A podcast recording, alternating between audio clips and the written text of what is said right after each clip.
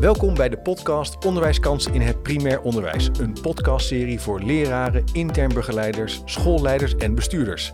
In deze podcast komen onderwijsprofessionals en onderzoekers aan het woord. Over het bestrijden van onderwijsachterstanden met wetenschap als inspiratiebron. Het programma Onderwijskansen is een samenwerking van het Nationaal Regieorgaan Onderwijsonderzoek, de PO-raad, het ministerie van OCMW en verschillende onderwijs- en onderzoeksinstellingen. Voor meer informatie kijk op www.onderwijskansen.eu. Mijn naam is Chip de Jong, leuk dat je luistert. Aan tafel zitten IJsbrand Jepma, werkzaam als senior onderzoeker en adviseur bij SARDES, een onderzoeksadviesbureau op het gebied van onderwijs, opvang en opvoeding. Leuk dat je er bent. Dank je. En Gert Geertsma, aan de overzijde, directeur van Kindcentrum De Vindplaats in Amsterdam. Hartelijk welkom. Ja, dank je. En we gaan het in deze podcast hebben over onderwijsachterstandenbeleid en passend onderwijs. Twee grote thema's, actueel denk ik. Je leest en hoort er van alles over. Ehm, dus dat gaan we doen. Um, IJsbrand, ik wilde jou eigenlijk uitnodigen om even misschien ter introductie iets te vertellen over de historie van het onderwijsachterstandenbeleid in Nederland en de relatie ook met passend onderwijs. Ik denk om even het even neer te zetten, dat is een grote vraag. Grote vraag, ja. Maar je hebt natuurlijk ook het stuk geschreven wat ook op de website te vinden is. Daar zal ik ook even een linkje voor uh, plaatsen in de speaker notes. Als we die twee woorden even zo uh, centraal stellen in de podcast. Uh, waar zouden we moeten beginnen? Ja, een leuke, leuke vraag. ja, eigenlijk hebben de beide beleidsvelden hebben een eigen beginpunt in de onderwijshistorie. En je zou kunnen zeggen dat het onderwijsachterstandenbeleid, dat heette toen anders, want het heeft door de jaren heen verschillende benamingen gehad. Dat het onderwijsachterstandenbeleid begonnen is in de jaren 50, 60 van de vorige eeuw. Hm. Uh, ja, dat had alles te maken met de wederopbouw in dit land. Alle talenten, capaciteiten van mensen moesten worden benut. En toen uit de jaren 50, 60 het vroege onderzoek naar het onderwijsachterstandenbeleid begon, ja, toen kwamen we eigenlijk tot de ontdekking dat kinderen uit verschillende sociale milieus heel eigen schoolloopbanen hadden. Korte of lange of lagere en hoge, hoe je dat ook wilt noemt. En dat was best wel opmerkelijk. Want je zou kunnen denken van dat talenten misschien wel eerlijk verdeeld zijn over de samenleving. Dus waarom gaan hè, kinderen van ja. laag opgeleide ouders, handenarbeiders bijvoorbeeld, waarom gaan die nooit naar het hoger onderwijs of nooit naar de universiteit? Daar kwam toen heel veel dynamiek op los. Uh, ja, het verborgen talent moest worden aangeboord en tot volle wasdom worden gebracht. Nou, dat was het beginpunt eigenlijk van een hele traditie naar onderzoek en naar beleid. Ja. Van Kemenade heeft daar een belangrijke rol in gespeeld in de jaren 70 en 80. Nou, ik kan er nog veel meer over vertellen, maar je vroeg ook, hè, is er een parallel of een vergelijking mogelijk met het uh, passend onderwijsverhaal? Ja. Ja, dat is er, maar dan moeten we even iets uh, verder teruggaan in de tijd. Want dat beginpunt ligt ergens rond het einde van de 18e eeuw. Oh ja. Dat zit veel meer geworteld in het verlichtingsdenken. Je zou kunnen zeggen dat in die tijd, toen ging het over mensen, jonge mensen met bijvoorbeeld zintuigelijke beperkingen. Ja. Dus uh, ja, uh, de, de groep die doof, dan wel blind was, zeg maar. En daar was aandacht voor, omdat we eigenlijk vonden dat iedereen een kans moest hebben om naar school te gaan. Hè? Wij wilden in die tijd mensen verheffen en een positie geven in de samenleving. Dus dat is wat meer geworteld in dat verlichtingsdenken. En zo begon eigenlijk het speciaal onderwijs, zou je kunnen zeggen. Aan het einde van de 18e eeuw. Dat heeft ook een hele historie meegemaakt. Want eerst hadden we dus de dove en de blinde instituten. Ja. Dan kwamen we later kwamen daar scholen bij voor mensen met verstandelijke beperkingen. Dan praten we over ja, belachelijke namen in het huidige tijdsgericht. Eh, idiote scholen, krankzinnige, zwakzinnige. Ja, ja, het stond gewoon op de voorgevel. Hè? Ja. Of de school voor debiele meisjes. Dat soort uh, naamgevingen waren heel uh, normaal. Uh, daar, daar, ja, dat is in het huidige tijdsgericht ja, ondenkbaar, verschrikkelijk. Dus ja. ook in de terminologie is er heel veel veranderd. Maar het is wel interessant om te zien dat in de 19e eeuw dat soort scholen opkwamen. En pas later kwamen er ook nog scholen bij. En die gingen meer de kinderen met gedragsproblemen bedienen. Dus daar zit een hele ontwikkeling in. We staan dan nu op het punt van passend onderwijs richting inclusiever onderwijs. Ja. Dat is de volgende fase.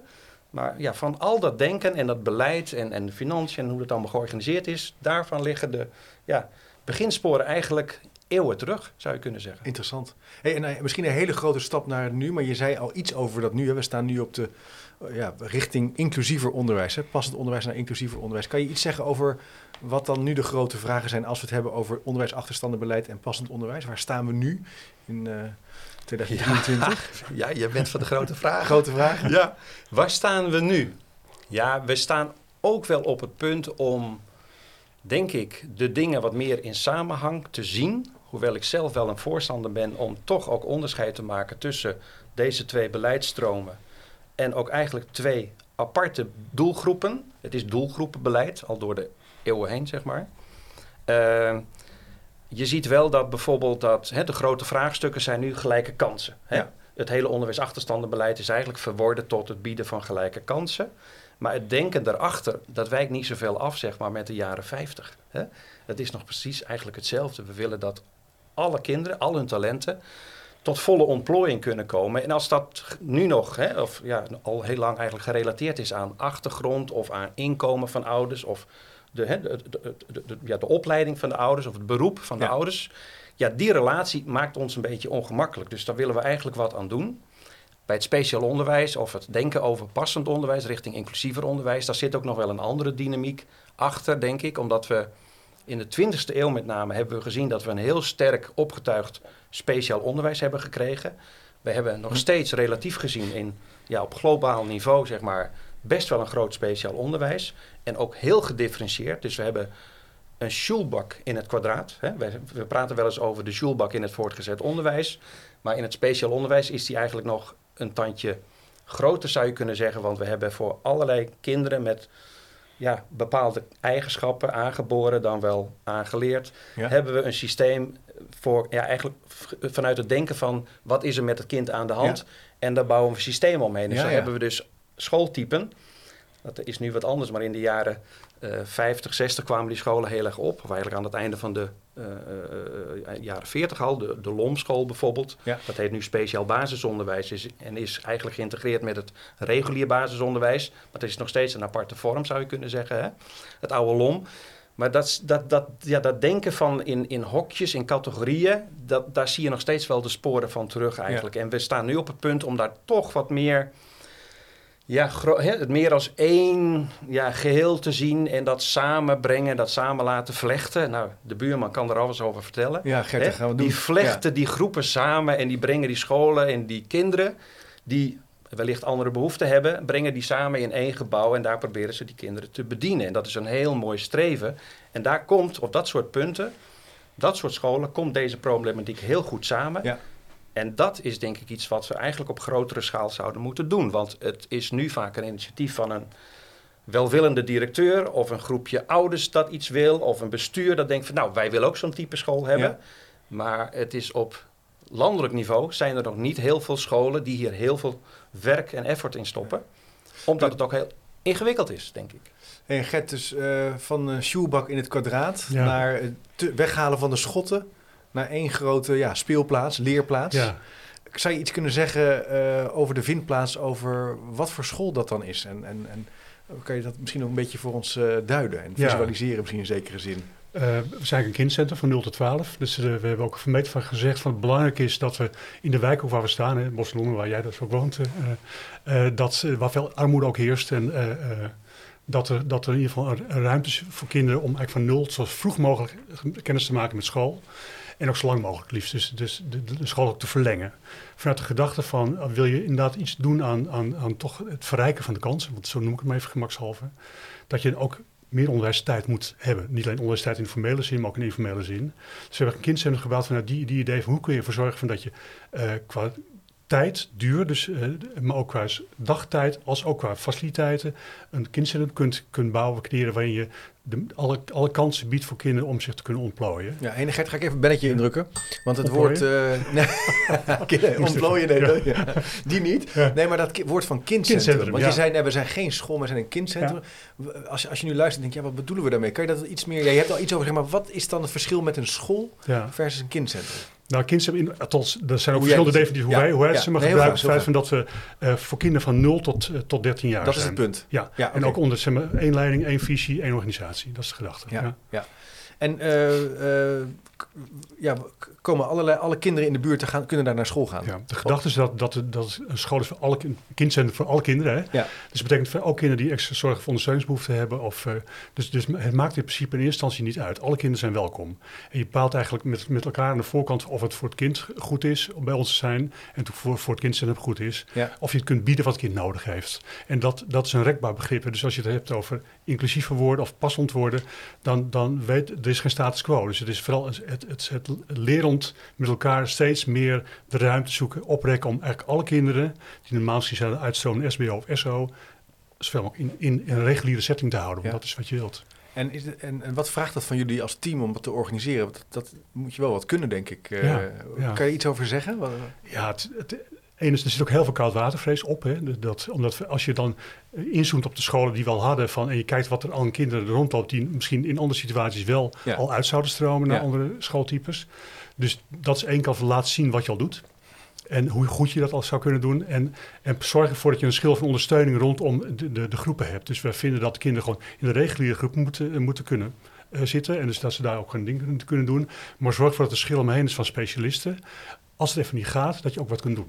Ja, ja. Want dat, dat op het moment als een kind het even niet trekt, dat, zijn, dat kan gebeuren. Hè, dat, eh, dat je dan zo'n kind gewoon, dat er een ruimte is, ook iemand is die het kind even kan opvangen. Zodat de groep ook door kan gaan. Dat je Ja. niet elke keer eh, alle focus op dat ene kind of die twee kinderen of drie kinderen hebt. Maar dat gewoon in zo'n heel systeem veel meer flexibiliteit en speelsheid Ja. zit. En Maar ook aanpassingsvermogen, zodat je mee kunt bewegen met wat die groep nodig heeft. En wat voor, wat voor collega's werken er dan bij jullie? Je hebt dus... eh, le- Supermensen natuurlijk. ja, dat is sowieso. Maar je, dat had je gedacht. maar je hebt leerkrachten, maar je hebt dus ook echt eh, ja, experts, specialisten. Wat, Ja. Voor, wat voor gebied moeten we dan denken? Eh orthopedagoog, eh, psycholoog eh, en daaromheen eh, samen met een aantal SO-stichtingen die, die bieden nog de specialismen die we echt die, die sporadisch nodig hebt. En, en een soort, ook weer een soort kring eromheen organiseren. Ja. Dat je gewoon mensen direct kunt benaderen en zeggen, we hebben dit vraagstuk, kan je even helpen, kom even meekijken. Ja, ja, op die manier het, het te doen. Ja. Nogmaals, we zijn ook groeiende. Het is, het, we rekken als het ware die grenzen op. Het is niet, je beslist het en je bent het. Nee. Eh, Je beslist het, je gaat op weg. Dus Ja. dat is, eh, Je bent onderweg aan Ja. het... eh, want jij zei in de voorbereiding ook, dat vond ik wel een punt wat mij raakte, van je zei de wijk eh, eh, mengt, maar de school niet. Ja. Kan je daar iets meer over zeggen? Van, eh, wat zie jij dan? eh, zie vanuit onderwijs? Nou, vanuit onderwijs zie je wel dat, dat eh, eh, een aantal scholen die voorheen, maar ik noem even zwarte-witte scholen, het is- ik doe helemaal, maar dat is wel het beeld wat er nog steeds is. Ja. Dat, je, dat je zag dat toch eh, wat een aantal scholen ook in de, in de oudere stadsdelen gewoon wel wat meer gingen mengen. Er kwamen Mhm. ouderinitiatieven Mhm. van witte ouders die dan met een gro- groepje tegelijk zouden starten. Wat je nu ziet is doordat een soort leegloop uit de stad is van jongere gezinnen. Hè, de, de, de woningen worden duur, eh, een kindje erbij of nog een kindje erbij. Kunnen geen grote woning, gaan de stad uit.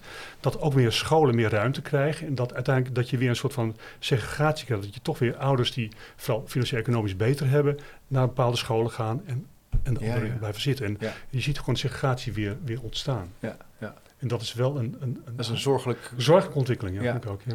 En, en in zekere zin proberen jullie met een kindcentrum dat dus tegen te gaan. Ja, Eigenlijk. door gewoon dat je kinderen... In de kinderopvang wordt vooral gebruikt, vooral gebruikt door de mensen die het, so- die het sociaal-economisch beter hebben. Ja. En daarmee creëer je aan de onderkant zoveel mogelijk de instroom... dat ze het gewend zijn. Ja. In dit gebouw gebeurt dit. Ja. Eh, en hopen dat je dan meer doorstroom creëert. Ja. IJsband zei net eh, in het begin, toen hij even die historie neerzette en, en de stap naar nu maakt, van je moet als directeur ook echt wel eh, dit ook heel serieus willen en ook doorzettingskracht hebben. Hè? Het Ja. Eh, waar loop je dan tegenaan in het, in het eh, onderwijsachterstandenbeleid en in het werken met, met ja, middelen, met organisatie? Wat zijn zeg maar de dingen waarvan je zegt, ja, dat zijn wel eh, lastige dilemma's?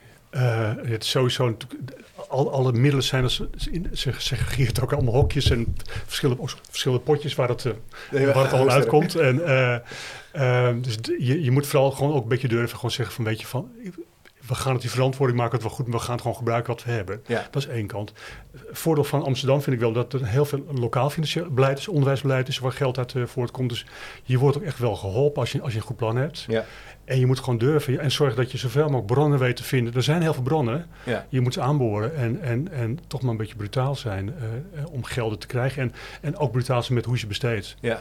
Ja. En, en hopen dat je het in de, in de verantwoording een beetje goed, goed vanaf brengt.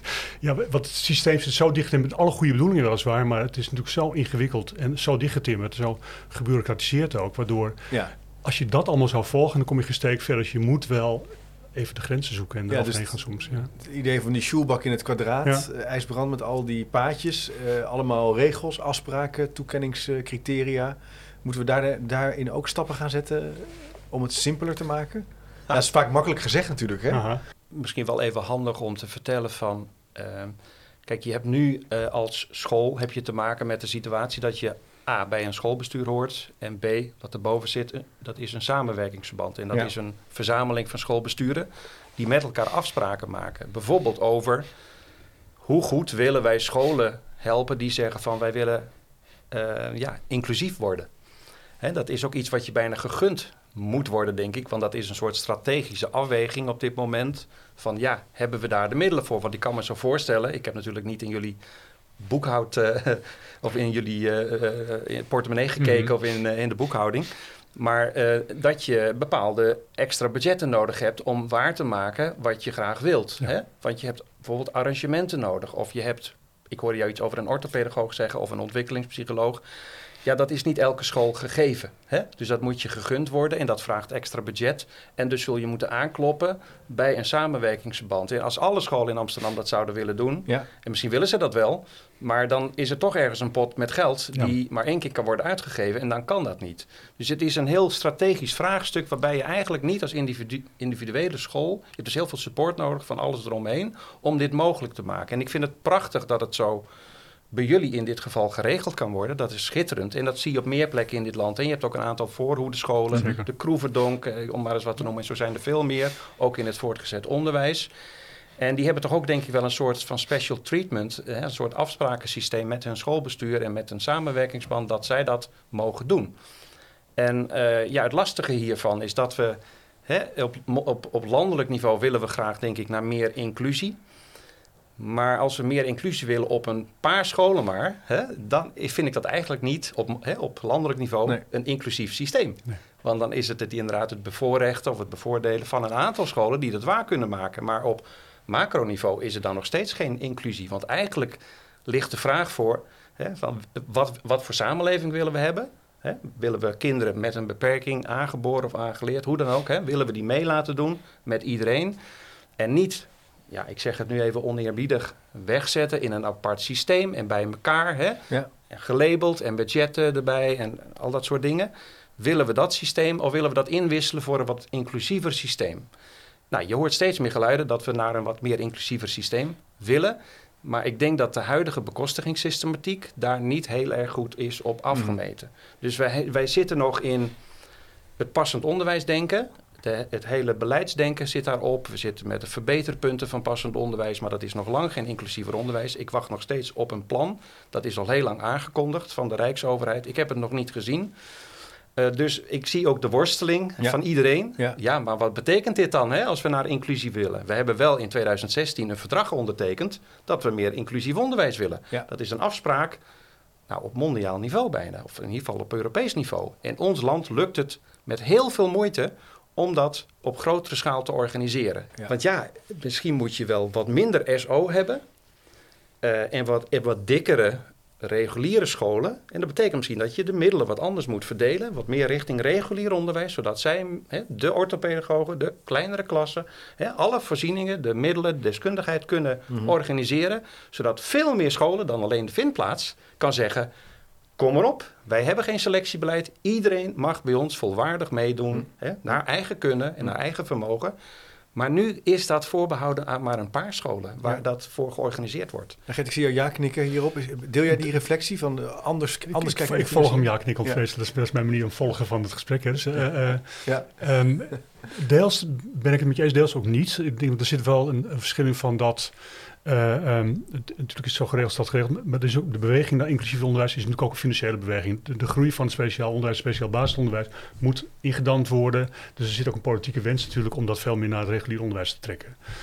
Uh, dat is één kant. De tweede kant is wel dat je, dat je uh, uh, als het die 6,6 procent, is volgens mij dat, dat 6,6 procent van de kinderen speciaal of speciaal basisonderwijs volgt. Klopt dat? Even? Nee, dat zijn oude cijfers. Okay. Wij, zijn, wij hebben inderdaad een, wel in het verleden zo'n percentage mm -hmm. gehad. We zitten nu op 4,4 okay, volgens 4, mij. 4, even 4,4 procent. Even in, in, het geval van ons, we hebben ongeveer 260 leerlingen. Dus 4,4 procent daarvan 10, 11, 12 kinderen. Ja. Als je even, even, even zo downsize, zeggen, dan is het probleem misschien wel minder groot dan dat. Ik zeg niet alle kinderen naar regulier onderwijs kunnen hoor, maar gewoon dat je, dat je probeert. Dus je moet het ook in proporties blijven zien. Ja. Het is niet zo dat het nu heel groot en meeslepend hoeft te zijn, maar dat je, het, dus je kunt ook, wat wij proberen ook te doen in, in, in de buurt Bos en Lom weer, met een aantal scholen samen, wat kunnen we aan expertise weer delen met elkaar juist, om, om ervoor te zorgen. Dus, dus het is bij ons heel grassroots ontstaan, niet omdat anderen dat vinden. We dachten, we wilden het zelf en we zijn gewoon gaan proberen kijken waar de grenzen liggen. En dan komt er geld. En natuurlijk als al die scholen dat tegelijk doen, dan, is, dan, gaan, dan gaan de beurzen dicht. Hè? Maar je moet het, als je kan kijken, als het nou zou gaan lukken meer, dan zou het ook meer betekenis hebben van de herverdeling of herallocatie van de middelen. Doet me ook een beetje denken aan, aan innoveren. In de beginfase heb je initiatiefnemers nodig die patronen ter discussie stellen, die gaan uitproberen, die gaan creëren. En nu zeggen jullie eigenlijk, ja, we moeten eigenlijk naar een soort scale-up fase. We, we, hebben nu een aantal dingen goed zien werken. Kunnen we het meer gaan verankeren? Ja. En een belangrijk punt is dus daar ook die structuur en die financiële toekenningen ook in mee te nemen. Dus eigenlijk het hele, hele systeem eigenlijk daarin mee te doen. Daar zijn we het over eens. Daar zijn we het over eens. Het systeem moet om. Ja. Hey, een, een, een, ander punt wat ik graag met jullie zou willen bespreken. Hoe bouw je nou in de school aan een krachtige leeromgeving? Je hebt er net eigenlijk al iets over gezegd. Hè, dat je dus eigenlijk voor anderen, dat je als het ware meebeweegt ook op hoe kinderen in hun vel zitten en wat ze nodig hebben. Dat je dus ook fysieke plekken hebt waar je ook in kleine verband even kunt bijkomen als je, nou ja, als je even veel hebt meegemaakt in de klas. Kan je iets meer over zeggen hoe jullie daar, ja, wat jullie visie op leren dan uh, daarin is? Ja, het betekent wel dat je, de, althans de, de, praktijk van het, van het leren moet, moet keren. Want heel veel scholen, waar ons, onder ons, onze school ook eigenlijk werkte met methodes allemaal. Hè, de methodes voor taal, voor rekenen en zo. En dat werd gevolgd en dat het hele systeem is gebouwd rondom de methode eigenlijk. Eh. En wat we zeggen, als je dat wilt, dan moet je eigenlijk gewoon toch elk kind op zijn manier beschouwen. Wat heeft het kind nodig? En dat betekent in feite ook van dat je hele systeem van, van, van, van onderwijs moet, moet gaan kantelen. Dat doe je niet van de een op de andere dag. Daar zijn we eigenlijk volop mee aan het, aan het experimenteren eigenlijk om dat te doen. We zijn niet de eerste die het doen, want je hebt heel veel onderwijssysteem waarin het ook gebeurt, waarin veel vanuit thema's wordt gewerkt, wat je heel makkelijk, veel makkelijk kunt aanhaken vanuit je eigen niveau. Dus dat je wel met gezamenlijk hetzelfde thema werkt, maar wel op je eigen niveau aan thema's werkt. Ja. Uh, dus, dus er, zijn, er zijn voorbeelden genoeg die gebruikbaar zijn, maar dat moet je wel doen. Dus dat betekent heel erg afstappen van het werken structureel werken met methodes naar het werken vanuit, vanuit inhoud. En dan kijken wat kan het kind. Dus veel meer van het doel in je hoofd hebben. Kijken wat het kind kan vanuit de, de goede intakes en de goede zeg maar, observatie doet en van daaruit gaan werken. En dat betekent heel veel. En uh, ook de ruimte hebben we natuurlijk aangepast. We hebben geen gesloten lokalen. Het is helemaal uh, open, semi-open ruimtes met hoekjes en gaten en bankjes en dingetjes. Dat je gewoon veel plekjes hebt waar kinderen ook even kunnen terugtrekken. Of even in kleine groepjes aan het werk kunnen. Dus, dus het, we hebben het gebouw kunnen aanpassen op, op deze manier van denken. Ja. Mooi, mooi hoe je dat omschrijft, de praktijk van leren keren. Dat vind ik wel interessant. Dat, dat zet natuurlijk wel aan. Dus niet de methode. Volgens mij kan me ook voorstellen dat, dit ook, dat het ook nodig dan is om als team ook regelmatig gedurende de dag, maar ook zeker in de week, eigenlijk te reflecteren op ja, hoe het gaat en wat er nodig is. In plaats van we moeten naar de vol, het volgende hoofdstuk van, uh, van, van rekenen. Van rekenen, of wat het ook is. Ja, We, hebben dat, we, we hebben een beetje een analogie van, van een gemeenschap gemaakt, het gebouw. Dus het centrale plein midden in de omheen, buurtjes noemen we dat. wat je leerplein zou kunnen noemen, noemen wij buurtjes. Daar staan de huizen in. De huizen zijn de voormalige lokalen. Die zijn niet dicht, en allemaal, allemaal open, semi-open. En die buurtjes die, die, die, die evalueren, aan, dus de leerkrachten van de, van de buurtjes en ook de onderwijsassistenten, die evalueren s'avonds even na schooltijd even wat, hoe is het gegaan, wat kunnen we samen doen, wat kunnen we, hebben we moeten alleen doen, welke groepjes zou je kunnen gaan werken. Dus je moet heel erg. En dat, hebben, dat is niet uitgedacht of uitgewerkt. We zijn dat echt aan het, aan het ontwikkelen. Ja. Doende aan het ontwikkelen eigenlijk. Uh, om, om juist op veel meer vanuit die manier te gaan denken. Dus je, veel meer samen ook. Dit kan ook niet anders, er zijn geen deuren. Je kan niet zeggen, ik doe mijn lokaaltje dicht, ik ga mijn eigen gang. Je moet dat samen doen.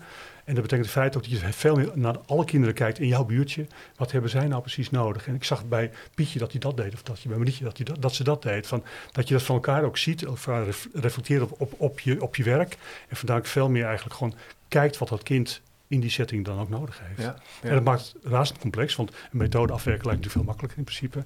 Maar het is wel een manier waarop wij willen werken. En, en, en, en, de mensen die bij ons werken ook willen werken. Met alle gedoes van dien. Ja, dan kom je weer bij het, waar we het in het begin over hadden. Wat IJsbelt eigenlijk zei, van, dat je juist nu een beweging ziet van met elkaar. En samen ook naar het leren kijken. Dus die schotten weghalen. Maar ook als team eigenlijk samen professionaliseren. In plaats van in je eigen klas je groep 6 of je eigen clubje uh, begeleiden. Dus dat is ook wel een soort transformatie. Maar is daar nou tijd voor? In, we, zijn natuurlijk, we hebben ook te maken met lerarentekorten. We willen ook dat de basisvaardigheden omhoog gaan.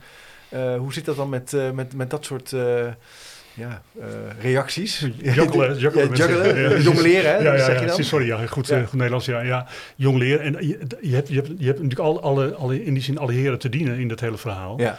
Uh, en dat maakt het ingewikkeld. Uh, uh, maar het is niet de reden om het niet te doen. Nee. snap je wat ik bedoel? Dus, en die energie zit er dan ook in bij mensen om dat te willen doen. Ook zien dat het juist de kinderen die we, die we in huis hebben, dat die dat extra, die dat gewoon, als je echt aan de kansengelijkheid of kansenvergroting wil werken, noem ik het liever, dan heb je het op zo'n manier ook te doen. Dat kan je niet in het oude systeem blijven werken. Want dan, dan werk je met middengroepen en een groepje die iets beter presteert en een groepje die iets minder presteert. En daar richt je het onderwijs helemaal op in, zijn die methodes op ingericht. Nu kijk je veel meer naar wat het kind zelf nodig heeft. En dat vraagt om een andere manier van denken, organiseren en doen. En dat geeft onrust en dat geeft, ja, het, het vibreert flink in huis. Ja. Ik zou het nog wel even graag willen hebben over die buurtjes. Want er zitten dus verschillende kinderen in met verschillende behoeftes en wensen. Kan je wat voorbeelden geven? Wat, wat, wat, wat zien we nou voor, voor ons? Wat gebeurt er nou? En hoe zorg je ervoor dat al die kinderen ook lekker leren, op maar even zo te zeggen? Ja. Nou, dat, is sowieso een zoektocht. Uh, dus ik heb daar geen, geen pasklaar antwoord op. Het is heel erg ook de pedagoog, hè, die, die, die, dus de, de leerkracht die dat, die dat in zijn of haar eh, kwaliteit moet zien te, te ontwikkelen. En dat, je merkt dat dat is ook het, het, het stoeien ermee, als het ware, met dit soort gegevens. Want, maar diversiteit in de groep is niet nieuw, hè? dus dat is eigenlijk altijd al geweest. Eh, dus op het moment dat je dat nu gaat benoemen en dat feitelijk wat, wat een ander soort van aandacht geeft, wil niet zeggen dat het nieuw is. Nee. En dus het zoeken ermee, dat, dat, dat, zijn de meeste mensen, zeker de ervaren mensen, wel gewend. Wat je nu probeert te doen, is eigenlijk daar toch stappen verder in te maken. Dat te verdiepen, dat verbeteren. En dus niet meer volgens het systeem alleen maar proberen op te lossen, maar gewoon kijken inderdaad vanuit het kind te redeneren. Ja. En dat maakt dat, ja, dat, dat, dat is een ingewikkeld. Ik, ik heb het pas klaar antwoord niet, maar het is, het is een soort van stap die je maakt. Ja, maar ook onderzoekend kijken eh, als professional, wat is hier nodig? En daar op je onderwijs afstemmen, gedifferentieerd op wat eigenlijk uh, het specifieke kind of een groepje kinderen, leerlingen nodig heeft. Maar dat kan dus ook instructie zijn. het kan ook gewoon een, lesmethode rekenen zijn. Het kan ook zijn... heel fijn, ja. Ja, precies. Uh, knutselen of oh een, een, maakproject. Uh, en daarnaast heb je dus verschillende zorgtaken. En dan kom je eigenlijk naar, naar het team Want is dat, dat team, dat zijn allemaal best wel uh, experts in zekere zin. Hè? Want ze hebben allemaal, ja, ze zijn pedagoog, maar ze hebben ook soms een specialisme. Hoe kijk jij daar nou naar? Dat gaat alleen maar complexer worden, denk ik, als we meer van deze leerlingen samen laten leren. Ja. Nee, ik, ik, ik, kijk met uh, hele grote ogen en met rode hoortjes luister ik naar de, wat de Vindplaats allemaal doet. Ik vind dat echt uh, geweldig. Ik denk, ik denk inderdaad, hè, als je op een afstandje naar kijkt, denk ik inderdaad dat je als het ware een soort van teamonderwijs geeft. Hè? Dus dat je verschillende mensen verantwoordelijk maakt voor, voor een groep, groep leerlingen. En dat je daarbinnen dan ook weer bijvoorbeeld specialisaties kiest. Of zegt van nou, wij zouden het fijn vinden vanuit jouw expertise, vanuit jouw interesseveld bijvoorbeeld, dat jij je wat meer bemoeit met nou, de taalvakken en de rekenvakken bijvoorbeeld. Hè, en een ander bijvoorbeeld wat meer de gedragscomponent voor zijn rekening neemt. En nog weer iemand anders bijvoorbeeld de expressievakken of de, hè, dat soort, de creatieve vakken, dat soort dingen. Dus dat je daar een soort van specialisatie gaat. Want ik kan me zo voorstellen dat. Want je hebt eigenlijk te maken met een ja, superdiversiteit, hè, in, in, ook nog eens in een grootstedelijke context. Dus dat maakt het machtig interessant, denk ik ook, om te werken op zo'n school. Hè? Dus je hebt ook een unique selling point. Ja. Dus ik kan me voorstellen dat, nou ja, dat er ook leraren afhaken. In de zin van hè, dat je mensen kwijt bent geraakt. Toen ze hoorden van wij gaan fuseren en we gaan iets nieuws neerzetten. Dat past mij niet, we mhm. gaan weg. Maar dat je daarvoor in de plaats ook misschien andere mensen terug hebt gekregen met nou ja, een zekere professionaliteit of een soort grondattitude die je echt nodig hebt in zo'n situatie. Want ja, we hebben het nog steeds over onderwijsachterstandenbeleid hè, en, en passend onderwijs, of naar inclusiever onderwijs of inclusie. Um, en dat, als je teruggaat naar de oorsprong, zeg maar, hè, dat zijn dus ook eigenlijk kinderen die van andere behoeften hebben, zou je kunnen zeggen. Je noemt het zelf al, de ene groep heeft behoefte aan bijvoorbeeld vergroting van kansen. Hè, omdat ze bijvoorbeeld in de thuissituatie nou, er wordt bijvoorbeeld minder voorgelezen of er zijn geen middelen om uitstapjes te maken. Dat zijn kinderen die gaan nooit naar Frankrijk op de camping drie weken. Hè? Maar die blijven lekker thuis in Amsterdam of die gaan, uh, nou ja, die houden het klein en gezellig en veel binnen en misschien heel veel uh, beeldscherm. Hè? Die groep. Uh, maar je hebt ook kinderen die bijvoorbeeld binnenkomen met een verstandelijke beperking. Of iemand in een rolstoel of iemand met een zintuigelijke, iets aangeboren iets. Of iemand heeft een, krijgt een ongeluk of wordt verschrikkelijk ziek en, en dat blijkt chronisch te zijn. Daar heb je allemaal mee te maken. Het is echt super divers. En ik kan me wel voorstellen dat je dan als hè, team kijkt van... hey, dit kan nooit één iemand, al die expertise kan nooit één iemand verenigen in zichzelf. Dat is onmogelijk. Dus dit vraagt echt ook weer naar superspecialisten eigenlijk in, in een schoolse setting. En en dan kijken naar van, nou ja, past de vraag vanuit de kinderen bij het aanbod vanuit het team? Zijn we goed bij? Kunnen we iedereen bedienen? Want dat is denk ik, hè, je moet echt stretchen volgens mij als leraar om dit, uh, om, om dit te kunnen en te willen. Maar ik denk dat het vooral begint, en dat, dat raakt echt wel het passend onderwijsverhaal ook in de inclusie. Het is ook een, een attitude kwestie. En wij in Nederland zijn nog niet helemaal op het punt dat we zeggen van ja, eigenlijk zou iedereen welkom moeten, zo, uh, moeten kunnen zijn op een school. Hè? Dus de dichtstbijzijnde school is gewoon een inclusieve school. Precies. dat is niet zo. Met attitude, we hebben daar opvattingen over. Dus we moeten onze opvattingen ook Gert, misschien ook wat gaan uh, Ik wil eerst wel even, even heel. Ja, nee, ja, als dat kan. Dat, ja. uh, ik begrijp deze vraag. Uh, um, dat specialiseren, superspecialiseren. We, zijn, we hebben er heel lang over nagedacht ook met elkaar van wat betekent dat nou voor het, voor het beroep van, van leerkracht in deze.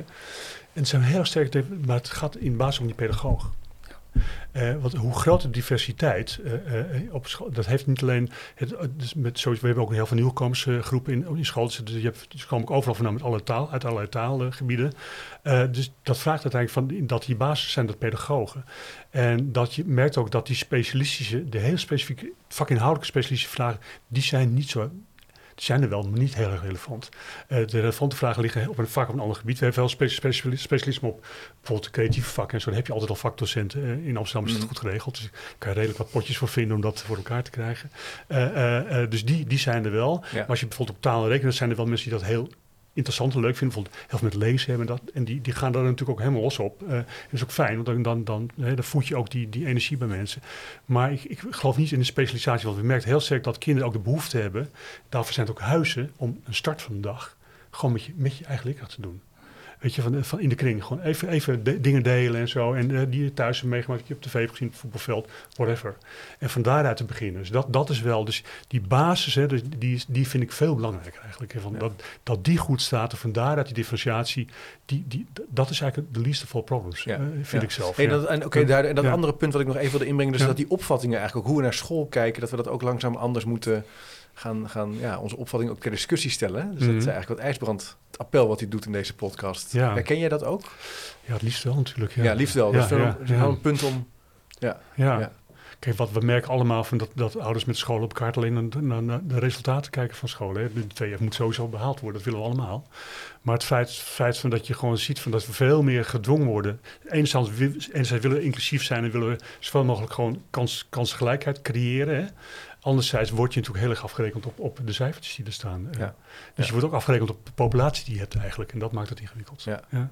Ik denk dat het laatste woord hier nog niet over gezegd is. Want het is een, een, thema wat natuurlijk volop in de actualiteit staat. En misschien tot slot, uh, uh, wat, zijn nou de toekomstige grote vragen? We hebben er een aantal gehad, maar als je nou zegt, nou als onderzoeker of als iemand uit de praktijk, nou wat, wat, wat is nou echt nog wel iets waar ik me druk over maak of waar we wat mee moeten? Als het gaat over, nou ja, onderwijs voor iedereen. Nou, ik vind segregatie een heel groot probleem zelf. Ja, dus dat je gewoon merkt van dat. Eh, en daarmee eigenlijk verklein je weer de, de, de kansen, de kansen van, van, van, de, van de kinderen die, ja. die zeg op de, de, noem maar even weer zwarte school zitten. En, ja. uh, want het is toch, je, je stigmatiseert op een of andere manier toch weer uh, de hele boel. En dat is niet iets wat wij, we proberen van alles aan te doen, maar dat, dat is een maatschappelijke vraag. Die vind, die vind ik zelf heel, heel belangrijk. Ja, echt wel een tijd, heel fijn om gewoon heel inclusief te zijn voor iedereen, maar ook voor iedereen te zijn. Weet je, dat, dat in die zin, dat wil je zijn. Ja, dus gewoon de buurtschool waar je, als je in de buurt woont, ga je dadelijk in de school. Ja. Ja, voor mij, we hebben het er nog niet over gehad. Dus ik wil ook niet een heel nieuw thema aansnijden. Maar ik denk wel dat. Ik denk dat leraren en ouders en alle mensen die betrokken zijn bij het onderwijs. openstaan voor gelijke kansen. Uh, en ook voor inclusie. Ja. Maar he, de basis waar we het heel vaak over hebben, zeg maar de, de, ja, de ijzeren driehoek. Precies. En dat is hoe groot zijn de klassen? Hebben we genoeg leraren? Is er extra professionaliteit? Hebben we bijvoorbeeld een onderwijsassistent op elke groep of een lerarenondersteuner? Hè? Als dat soort basisdingen heel goed geregeld zijn, dan denk ik dat alle leraren in principe openstaan voor meer inclusie en ook gelijke kansen waar kunnen maken. Maar dit soort hele ingewikkelde vraagstukken zijn complex ja. in de situatie dat we worstelen met de structurele kwaliteit eigenlijk. Ja. Ja. En dat is iets, als we dat oplossen, als we daar echt, uh, nou ja, genoeg mensen en ook extra formatie. En ik vind ook dat er eigenlijk veel meer middelen naar het reguliere onderwijs zou moeten gaan om dit allemaal mogelijk te maken. Ja. Want het is ook niet meer van deze tijd om nou ja, één leraar op uh, eh, 25 leerlingen of nog meer te hebben. Dat past gewoon niet meer. Dat gaat niet meer, onhoudbaar. Maar als we dat in de basis goed regelen, dan komen dit soort vraagstukken ja, die worden dan nou niet automatisch opgelost. Er is nog steeds wel werk uh, te verrichten. Maar dan is er veel meer openheid en is ook de attitude, denk ik, veel welwillender om te zeggen van ja, natuurlijk, ook dat kind kan nog bij mij in de klas. Ja. Mooi, mooi slotwoorden. En de ijzeren driehoek anders leren kijken en de praktijk van leren keren. Ik denk dat als je naar hebt geluisterd, dat dat ook nieuwe vragen oproept. In ieder geval een belangrijke input geeft als het gaat over um, ja, een belangrijk thema, denk ik, waar we in Nederland steeds meer mee te maken krijgen. Inclusief onderwijs. Ehm, onderwijsachterstandbeleid, passend onderwijs. We gaan er meer over horen. Bedankt voor jullie uh, aanwezigheid in de podcast. Leuk dat jullie uh, te gast waren. Dit was een podcast in de serie van het programma Onderwijskansen. Check zeker dus even www.onderwijskansen.eu. Dit is een samenwerking van het NRO, de PO-raad, OCMW en diverse onderwijs- en onderzoeksinstellingen. En in de speakernote van deze podcast vind je ook wat meer bronnen- en achtergrondinformatie. En check zeker even de website www.onderwijskansen.eu voor meer informatie. En ik wil mijn gasten IJsbrand en Gert hartelijk danken. Vergeet je niet te abonneren op de podcast en je mist niks. Vergeet je niet te abonneren op de podcast en je mist niks.